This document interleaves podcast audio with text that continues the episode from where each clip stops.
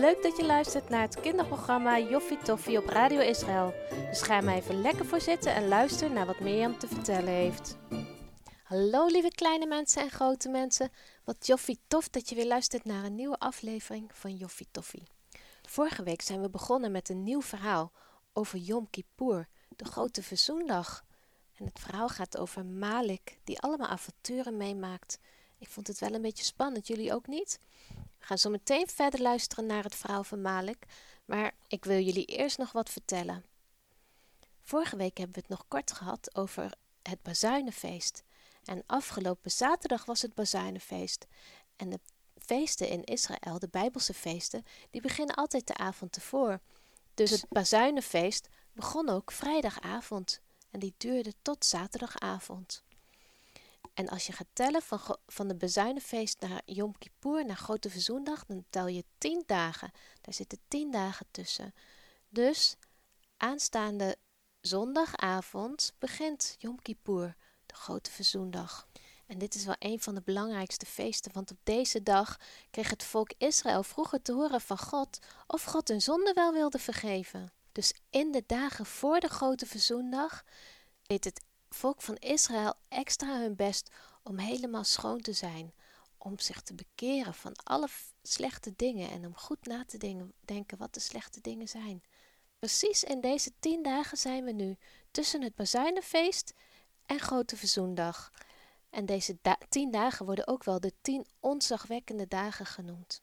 Het is een tijd waarin we veel mogen bidden en misschien zelfs wel vasten van iets en met God mogen praten om helemaal schoon en rein te worden, zodat we op Grote Verzoendag helemaal schoon voor God mogen komen staan.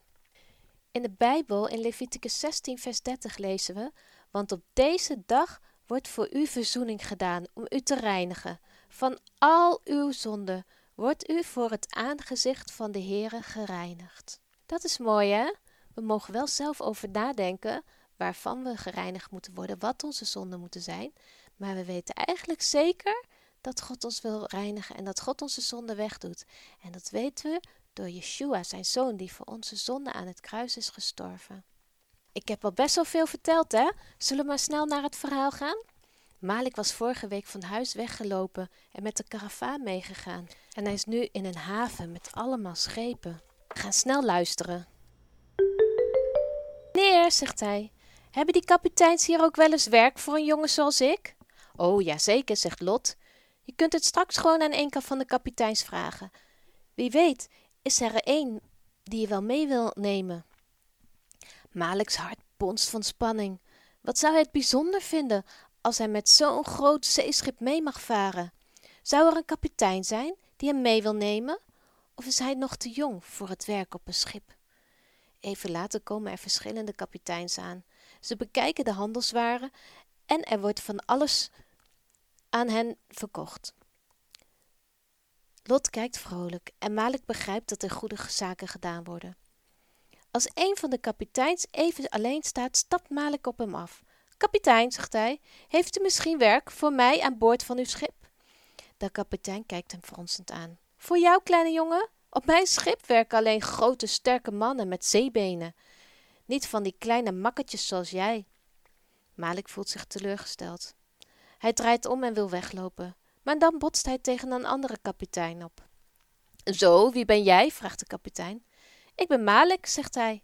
En waar kom jij vandaan? vraagt de kapitein verder.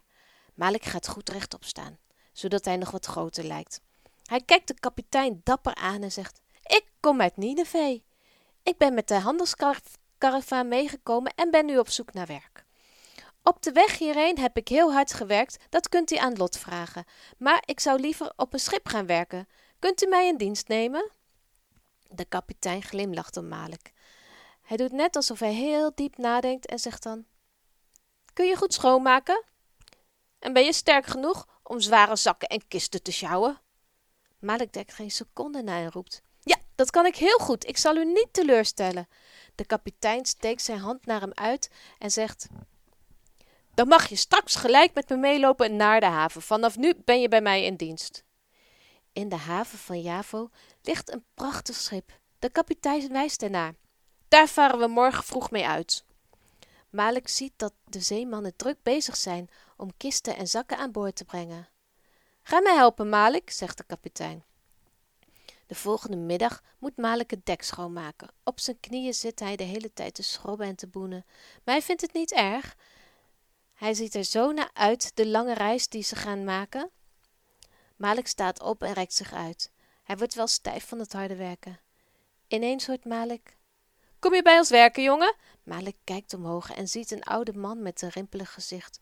Zijn ogen kijken hem vriendelijk aan. Malik staat op en zegt: Ja, de kapitein heeft me vanmorgen in dienst genomen. Ik ben Malik. En wie bent u? Ik ben Azur, zegt de oude man.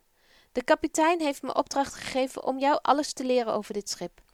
Als ik je roep, moet je gelijk naar voren komen, want dan heb ik een klusje voor je. Ga nu maar weer verder met schrobben van het dek, want het moet er goed schoon zijn voordat we vertrekken.